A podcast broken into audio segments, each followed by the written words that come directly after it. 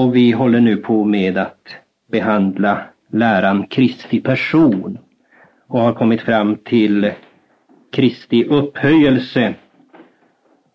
Och vi har talat om olika stadier eller faser i Kristi eh, upphöjelse och ska idag nu fortsätta med själva himmelsfärden, Kristi himmelsfärd. Och då ska vi först minnas att himmelsfärden eh, omnämns klart och tydligt i den heliga skrift. Den eh, bevittnades delvis av lärjungarna. Det står att Jesus lyftes inför deras ögon upp i höjden och en sky tog honom bort ur deras åsyn. Det står alltså att de såg det. Det skedde inför deras åsyn. Här skiljer sig eh, himmelsfärden från eh, Jesu uppståndelse. Det var ingen som såg när Jesus lämnade graven. Det har vi talat om tidigare. Lika fullt vet vi säkert och visst att Kristus har stått upp. Men när det gäller himmelsfärden så blev den bevittnad. Den skedde inför lärjungarnas åsyn. Jag ska med en gång göra en liten rättelse. Det är det artonde föredraget idag, inte det sextonde som jag nyss sa. Jesus han eh, lämnar nu sina lärjungar eh, på det sättet att han syns inte längre. Hans synliga närvaro upphör. Men han lämnar dem inte på det sättet att han inte längre är med dem, utan han lovar att vara med dem alltjämt, ja alla dagar intill tidens ände. Matteus 28, 20. Och det betyder alltså att när nu Kristus efter himmelsfärden likväl är närvarande hos oss på ett osynligt sätt så är han det som både Gud och människa. Han är alltså närvarande också till sin mänskliga natur. Det betyder alltså att hans mänskliga natur är inte begränsad till en bestämd inhägnad plats så att han inte kan vara närvarande bland de sina. Utan det kan han. Han är närvarande hos oss alla dagar intill tidens ände, både som Gud och människa. Det står i Efesierbrevet 4.10, han for upp över alla himlar för att han skulle uppfylla allt. Vilken han? Jo, Jesus Kristus som är också sann människa. Han har alltså inte upphört att vara sann människa eller lämnat den mänskliga naturen bakom sig när han uppstod eller när han for upp till himmelen. Himmelsfärden innebär att Kristi verk här på jorden det är avslutat och Kristus återvänder nu i triumf som segrare över synd och helvete. Efesierbrevet 4.8. Himmelsfärden markerar att allt är fullgjort här på jorden. Nu vänder han tillbaka som segrare i triumf. Segraren över synd och helvete. Och han vänder tillbaka till sin faders härlighet, läser vi. Och Faderns härlighet, eller den himmelska härligheten, den är då inte en eh, begränsad plats bara. Inte ett begränsat utrymme i denna skapade fysiska värld eller en del av den. Utan den himmelska härligheten, den är fadershuset, som det heter i Bibeln, i vilket det finns många boningar. Och dit har Kristus nu återvänt. Han har gått dit för att bereda oss rum, står det. Och eh, i dessa boningar i fadershuset, det ska vi få vara med honom i all evighet till följd av hans återlösning. Och den himmelska härligheten, den kan också uttryckas med begreppet Guds högra hand, Guds majestäts högra hand eller sida. Eftersom denne, står det, är hans härlighets återsken och hans väsens avbild och genom sin makts ord bär allt, har han, sedan han utfört en rening från synderna, satt sig på majestätets högra hand i höjden. Hebreerbrevet 1 och, och 3. Han har alltså nu satt sig i, i Guds obegränsade makt och majestät. Han eh, eh, utövar nu till fullo också till sin mänskliga natur sin eh, makt och sitt majestät. Och då kommer vi in på detta med att han nu sitter på Guds högra sida eller på Guds högra hand. Det hör alltså med då till upphöjelsen. Han har farit upp till himmelen, han sitter nu på Guds högra hand eller Guds högra sida. Det står så här i skriften, därefter, sedan Herren Jesus hade talat med dem, blev han upptagen till himmelen och satte sig på Guds högra hand. Markus 16.19. Alltså lägg märke till dessa båda moment. Sedan han hade talat med dem så blev han alltså upptagen, det var himmelsfärden. Och så satte han sig på Guds högra hand. Och det är det vi nu talar om, att han sitter på Guds högra hand. Och med detta menas då inte att han sitter i ett begränsat rum, i ett begränsat område i rymden.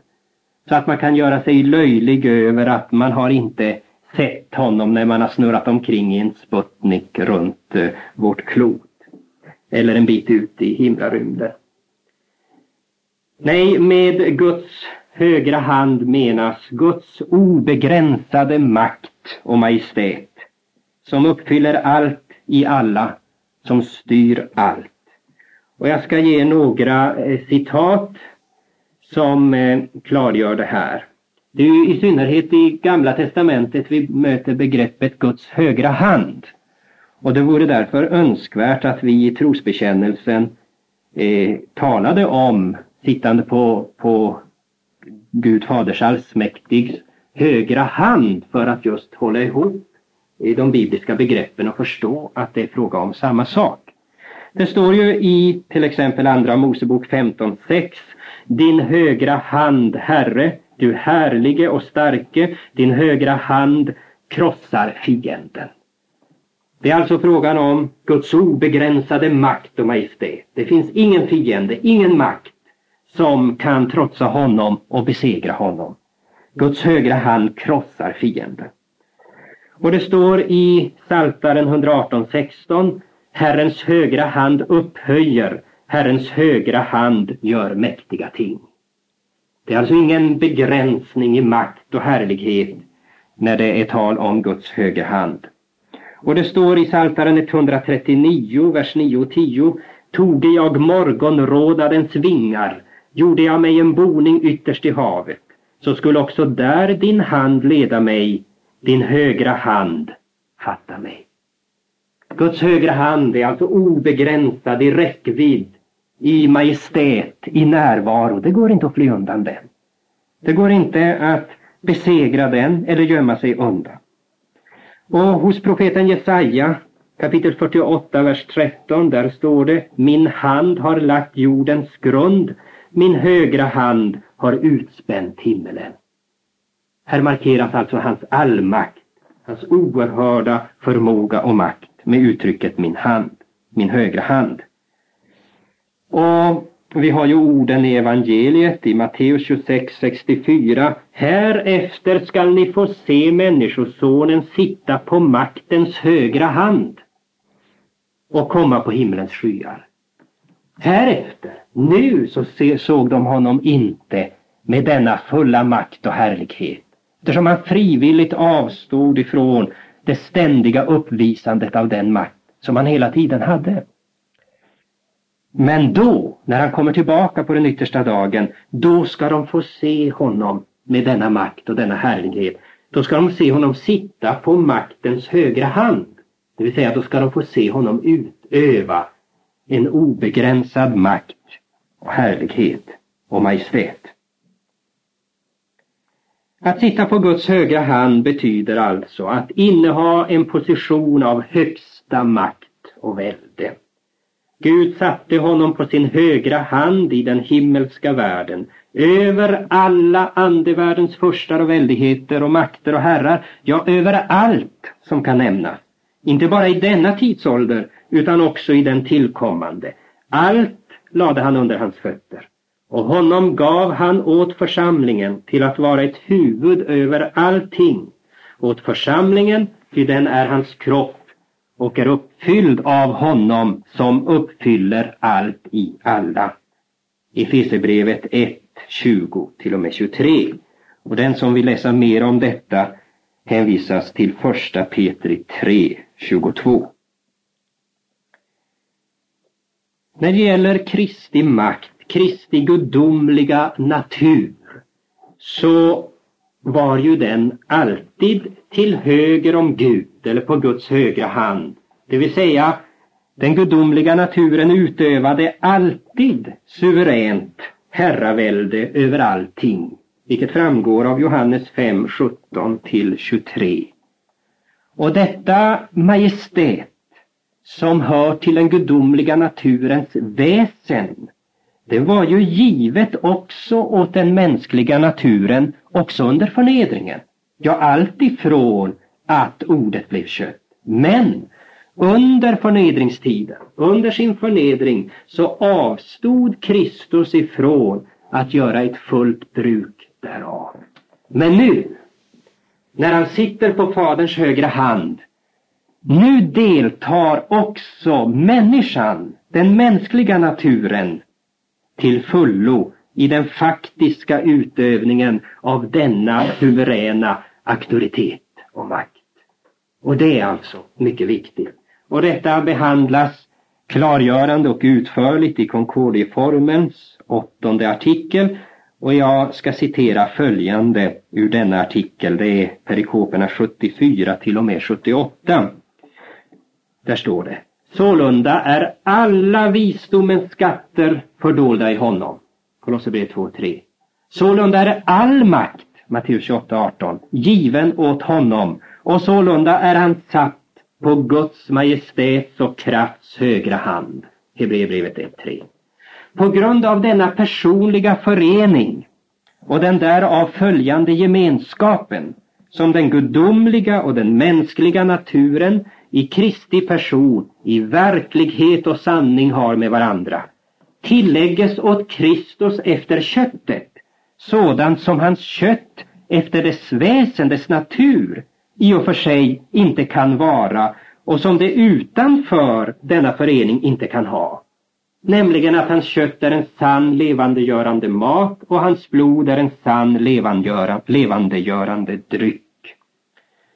Vi anser därför att genom dessa bibelord människan Kristi majestät förklaras, vilket Kristus till sin mänskliga sida mottagit på Guds majestäts och krafts högra hand, så att han också efter den antagna mänskliga natur och med densamma kan vara och även är närvarande var han vill, men särskilt i sin kyrka och församling på jorden som medlare, huvud, konung och överstepräst.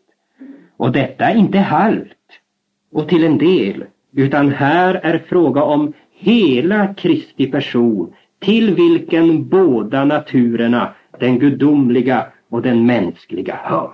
Slut på citatet från KKD-formen. Jag tror att ni av detta förstår hur allvarligt det är när man eh, uttrycker sig så här. Jag tror att Kristus har uppstått, men inte samme Kristus. Det är en, liksom en annan Kristus som har uppstått.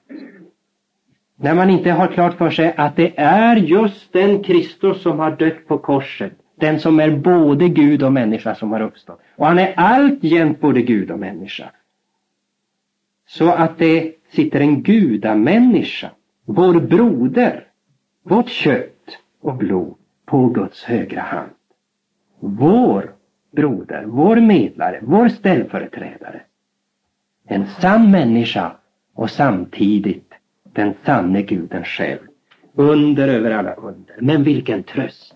Vilken stor tröst för oss kristna att veta att han, vår broder, han har all makt i himmelen och på jorden. Han är vår käre frälsare. Han är Herren över allt. Han är huvudet för församlingen, för kyrkan som är hans andliga kropp. Och de kristna, de står honom närmare än något annat. Du vet hur människor kan vara oerhört stolta om de står nära en person som har stor makt. Att vara släkt med honom eller att på något sätt stå honom nära. Jag känner honom. Men här är det alltså frågan om den som inte bara är konung och herre över sin kyrka utan över hela universum, över hela världen, som har all makt i himlen och på jorden. Honom känner vi. Han är vår bror. Han är vår vän, han är vår frälsare. Och vi står honom närmare än något annat. Så vi vet att allt som händer så tjänar det till vårt bästa. Han styr, han regerar alla riken på jorden. Alla makter har han i sin hand, hela universum styr han och leder så att det ska bli just oss till gagn. Ska bli just oss till det bästa. Precis som eh, Josef i Egypten brukade sin kungliga makt till eh, gagn för sina bröder. Första Mosebok 46 och 47. Så styr Kristus hela universum först och främst med tanke på det kristnas bästa. Och så hör också förstås till upphöjelsen Kristi återkomst. Han ska komma tillbaka på yttersta dagen på maktens högra hand för att döma levande och döda. Men det ska vi nu inte gå in på utan åter, det återkommer vi ju till när vi kommer in på de yttersta tingen längre fram i den här kursen Vad är kristendom? Nu ska vi istället gå in på vår återlösares verk eller vår återlösares ämbete. Och då läser vi ju i evangelierna att Människosonen har kommit för att frälsa det som var förlorat. Eller som Paulus skriver till Timoteus, första Timoteus 1.15. Kristus Jesus har kommit till världen för att frälsa syndare. Det är alltså hans uppgift. Vad än Kristus gjorde och vad än han alltjämt gör på maktens högra hand så tjänar det detta syfte och grundar sig på Guds barmhärtighet och kärlek till oss människor. Så älskade Gud världen. Johannes 3.16. Eller Därigenom har Guds kärlek blivit uppenbarad bland oss, att Gud har sänt sin enfödde son i världen för att vi ska leva genom honom. Första Johannes 4.9. Kristi verk, det är sålunda en enhet som har som sitt enda syfte människornas frälsning. Hela hans verk, det han har gjort och det han alltjämt gör på maktens högra sida, det hör ihop, det är en enhet. Det är inte splittrat i en rad olika saker som inte hänger ihop.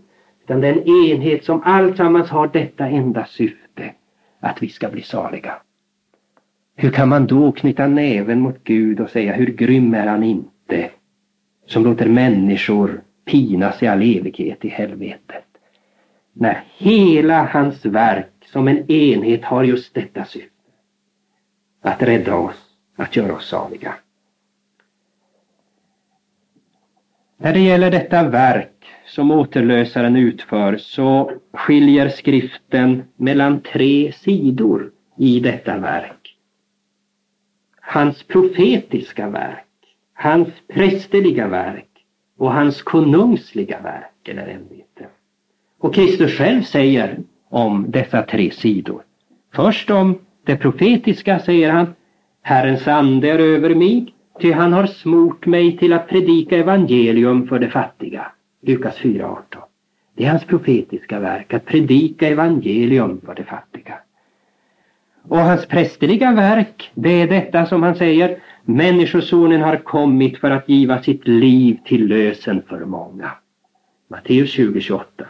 Och hans konungsliga verk eller ämbete, det är detta som han säger till Pilatus. Du säger det själv att jag är en konung. Johannes 18.37. Och nu kommer vi inte ikväll att hinna tala om alla dessa sidor av Kristi ämbete eller verk. Men jag tror vi hinner att tala om det profetiska ämbetet ikväll. Det profetiska ämbetet. Och då måste vi först klargöra, upprepa vad som menas med en profet. Vad är en profet? En profet, det är en person som talar för en annan. Precis som Aron var Mose mun inför farao. Andra Mosebok 7.1. En Guds profet, det är alltså en person som är Guds mun. En som talar å Guds vägnar. En som kungör och tolkar Guds ord och vilja för människan. Och vi kan ju tänka på apostelns ord när han säger i andra Korintierbrevet 5.20 och Kristi vägnar är vi alltså ambassadörer. Just det. En apostel är en profet, en ambassadör, en talesman för Kristus. Och Kristi vägnar är vi alltså ambassadörer. Och nu är Kristus en profet. Det hade redan Gamla testamentet uppenbarat att Messias skulle vara en profet. En profet bland ditt folk av dina bröder, en som är mig lik, skall Herren din Gud låta uppstå åt dig. Honom ska ni lyssna till. Femte Mosebok 18.15. Och att dessa ord nu ska tillämpas på Jesus Kristus, det framgår med all tydlighet av Apostlagärningarna 3, 19 till och med 26. Där står det uttryckligen så.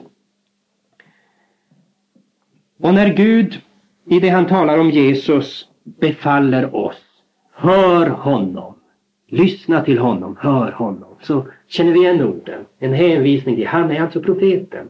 Den som vi läste om i femte Mosebok 18.15, honom ska ni lyssna till.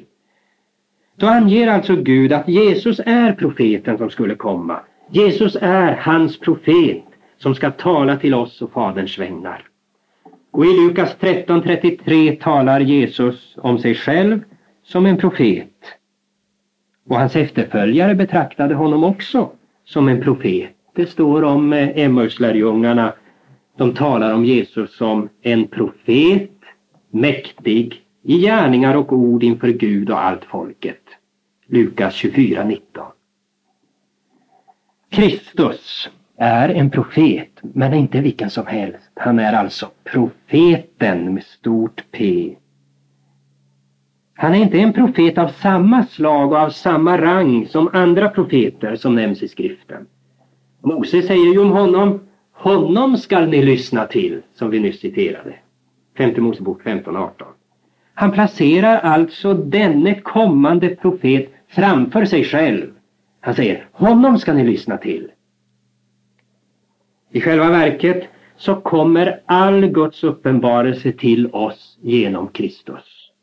Genom denne profet med stort P. Ingen har någonsin sett Gud, står det. Den enfödde sonen som är i Faderns sköte, han har kungjort vad Gud är. Den enfödde sonen som är i Faderns sköte, alltså som har en gudomlig natur som är av samma väsen som Fadern, som är ett med Fadern, som är i Faderns sköte. Han har kungjort vad Gud är. Johannes 1.18. Och det är därför som Jesus kallas för Ordet, Johannes 1.1, eller Guds ord, Uppenbarelseboken 19.13. Ett ord är ju någonting som uppenbarar tankar som annars är dolda, okända. Precis som våra ord uppenbarar våra tankar, våra dolda tankar så kallas Guds son för Guds ord eftersom han kungör för människan Guds tankar, Guds vilja. Gud bor ju i ett ljus dit ingen kan komma. Första Timoteus 6.16. Och ingen människa kan av sig själv veta något om Gud. Men han som är i Faderns sköte och som därför har intim kunskap om Guds innersta tankar har uppenbarat honom för människan. Och i denna mening är alltså Kristus den enastående profeten. Det finns ingen uppenbarelse av den sanne guden annat än genom honom. Men Kristus, han utförde detta sitt profetiska ämbete genom utvalda eller heliga Guds män. Kristus utförde sitt profetiska ämbete genom heliga gudsmän. Det lär oss aposteln Petrus. Han säger att heliga gudsmän talade vad som gavs dem från Gud, drivna av den helige Ande. Andra Petri 1.21. Och samma apostel talar om för oss att det var Kristi ande som var i dessa heliga män. Första Petri 1.11. Och Paulus säger att det var Kristus som handlade med Israels barn i öknen. Första Korinthierbrevet 10, 4 och 9.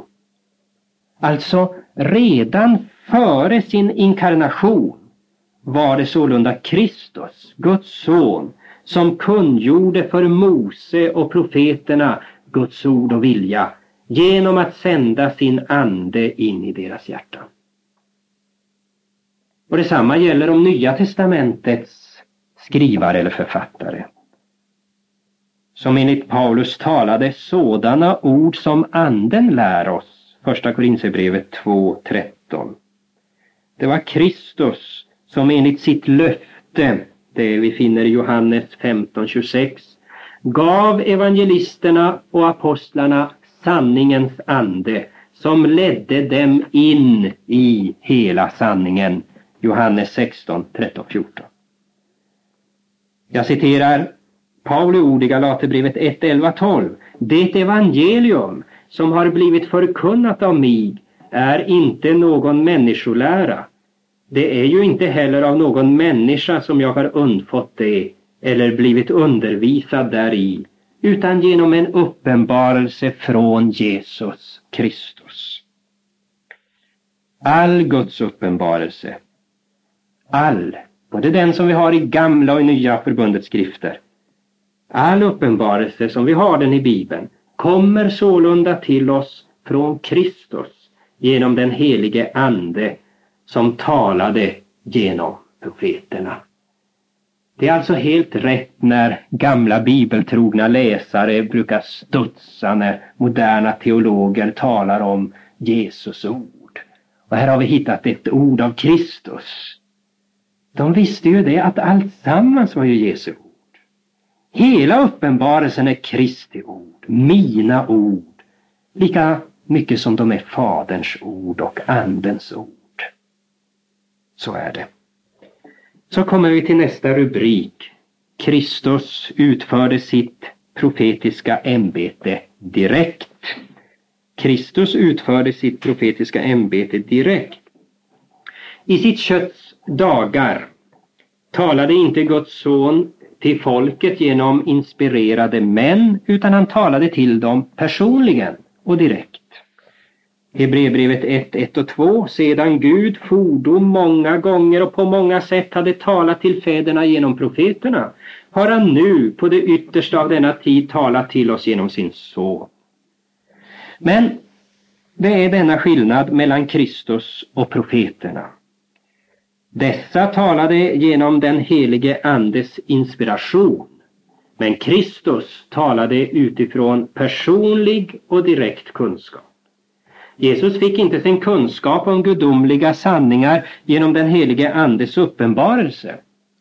Utan hans gudomliga natur ägde ju den av begynnelsen. Ty han var i Faderns sköte. Han var av samma väsen som Fadern. Och när ordet blev kött, då delgav han denna kunskap också till sin mänskliga natur. Och sålunda kunde han säga allt vad jag har hört av min fader har jag kungjort för er. Johannes 15.15 15. Vad jag har hört av honom, det talar jag ut inför världen. Johannes 8.26. Och Johannes döparen säger om honom, den som kommer från himmelen, han är över alla och vad han har sett och hört, det vittnar han om. Johannes 3, 31, 32. Och liksom Kristus gjorde undren genom sin egen makt så talade han också utifrån sin egen kunskap. Den han hade genom att han var sann Gud. Men nästa rubrik säger Kristus utför sitt profetiska ämbete genom ordets ämbete. Kristus utför sitt profetiska ämbete genom ordets ämbete. Jag har givit dem ditt ord, säger han. Johannes 17.14. Och han har givit dem uppdraget att lära alla folk allt vad han hade befallt dem. Matteus 28.20. Och när de gör detta, då kungör Kristus själv genom deras undervisning och predikan Guds ord och vilja. Han utför alltså sitt profetiska ämbete genom deras förkunnelse, deras predikan. Och därför kan han säga att den som hör er, han hör mig. När eh, predikan är ren och klar, det är Guds ords rena predikan, ja då är det Kristi profetiska ämbete som är i funktion. Då är det Kristus som talar. Den som hör er, han hör mig. Lukas 10, 16. Och det är vidare den upphöjde frälsaren som fortsätter att ge åt sin kyrka män som lär och predikar hans evangelium. Alltså när en församling får nya tjänare som å församlingens vägnar förvaltar ord och sakrament, ja då är det Kristus som utövar sitt profetiska ämbete. Det står i Efesierbrevet 4, 11 och 12. Det är han som ger åt församlingen, somliga till lärare, somliga till profeter och så vidare.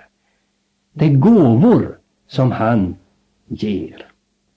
Och när dessa män troget förblir i Kristi ord som de bör, Johannes 8.31. Ni ska förbli mitt ord, är ni sanning mina lärjungar. Ja, då är det Kristus själv som genom dem in till denna dag utför sitt profetiska ämbete. Men om någon lär villfarelse, avfaller, förkunnar falsk lära, ja då är det inte Kristus som utför sitt profetiska ämbete genom honom. Och därför ska han undflys. Men Kristus ska icke undflys när han utövar sitt profetiska ämbete. Och så kommer vi till rubriken Kristi profetias innehåll. Vad menas med Kristi undervisning eller profetia? Vad innehåller den? Ja, i vid mening så innefattar Kristi profetia uppenbarelsen av all Guds vilja, både lag och evangelium. Vi har ju Jesu undervisning i bergspredikan. Det är en lagens undervisning. Men genom denna bergspredikan blev inte Jesus en ny laggivare, som man ibland har sagt. Utan han bara upprepade och utlade vad han tidigare hade uppenbarat genom Mose. Kristi ande var det ju som hade talat genom Mose när Mose gav lagen. Och nu är det samme Kristus som här lägger fram lagen och utlägger vad lagen verkligen innehåller, vad den innebär. Han är alltså ingen ny laggivare. Men fastän Kristi profetia i vid mening alltså innefattar allt Guds ord, både lag och evangelium, så är det framförallt evangelium som är Kristi profetias innehåll. Lagen är inte den främsta delen i Guds uppenbarelse till människan. Det kan man läsa om i Galaterbrevet 3, 17 till och med 24. Det förnämsta, det är löftena. Löftena om Messias och deras uppfyllelse i Kristus. Det vill säga evangelium, det glada budskapet.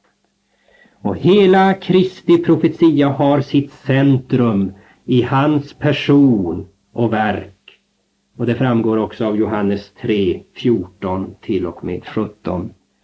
Han uppenbarade sig själv och genom predikan av evangelium uppenbarar han sig alltjämt för människor som Guds son och världens återlösare. Med andra ord kungör han genom sitt profetiska ämbete vad han uträttat för alla människor genom sitt prästerliga ämbete. Jag ska ta det en gång till.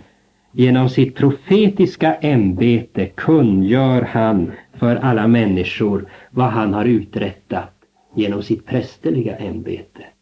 Och det är då nästa avdelning och eh, vi kan börja lite grann på det ämnet tror jag. Det prästerliga ämbetet.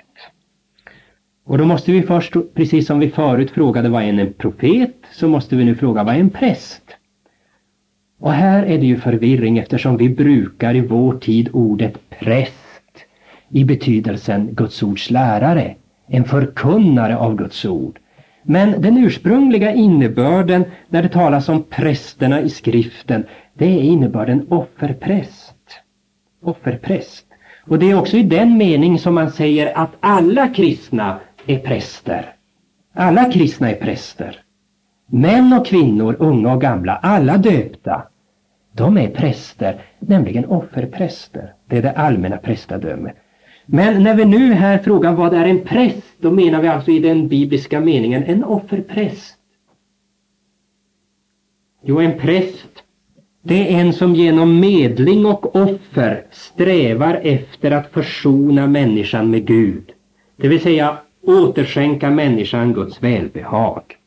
Han handlar med Gud till förmån för människan och å människans vägnar. Det står varje överste präst uttages bland människor och tillsätts för att till människors bästa göra tjänst inför Gud genom att frambära gåvor och offer för synder. Hebreerbrevet 5.1.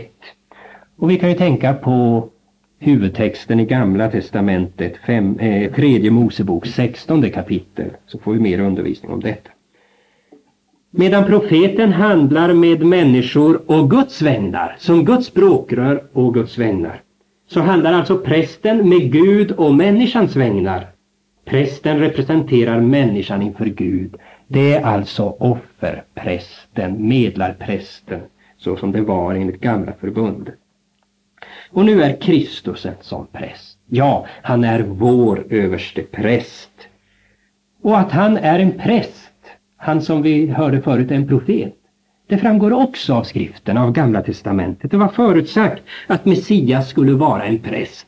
Och det här vet ni ju har judarna inte alltid förstått och därför har de sagt att vi väntar två skilda Messias. En prästerlig och en profetisk. Nej, Messias han är både präst och profet. Ja, han är också konung som vi senare ska komma till. Det står i Saltaren 110.4, du är en präst till evig tid efter Melkisedeks sätt. Och det står också om detta i Sakarja 6.13. Och skuggan av honom som präst framträdde ju i det levitiska prästadömet. Det är ju skuggbilder. Det är skuggan av honom som sedan kom. Skuggan faller in och i tiden före hans, hans eh, kommande i köttet. Och i Nya Testamentet visar Hebreerbrevet 5 till och med 10 att Kristus är den enda överste prästen som verkligen har försonat världen med Gud genom sitt offer en gång för alla. En sådan överste präst, står det, hövdes oss också att hava, en som vore helig, oskyldig, obesmittad, skild från syndare och upphöjd över himmelen, en som icke var dag behövde frambära offer, såsom de andra överste prästerna, först för sina egna synder och sedan för folkets. Detta gjorde han nämligen en gång för alla när han offrade sig själv.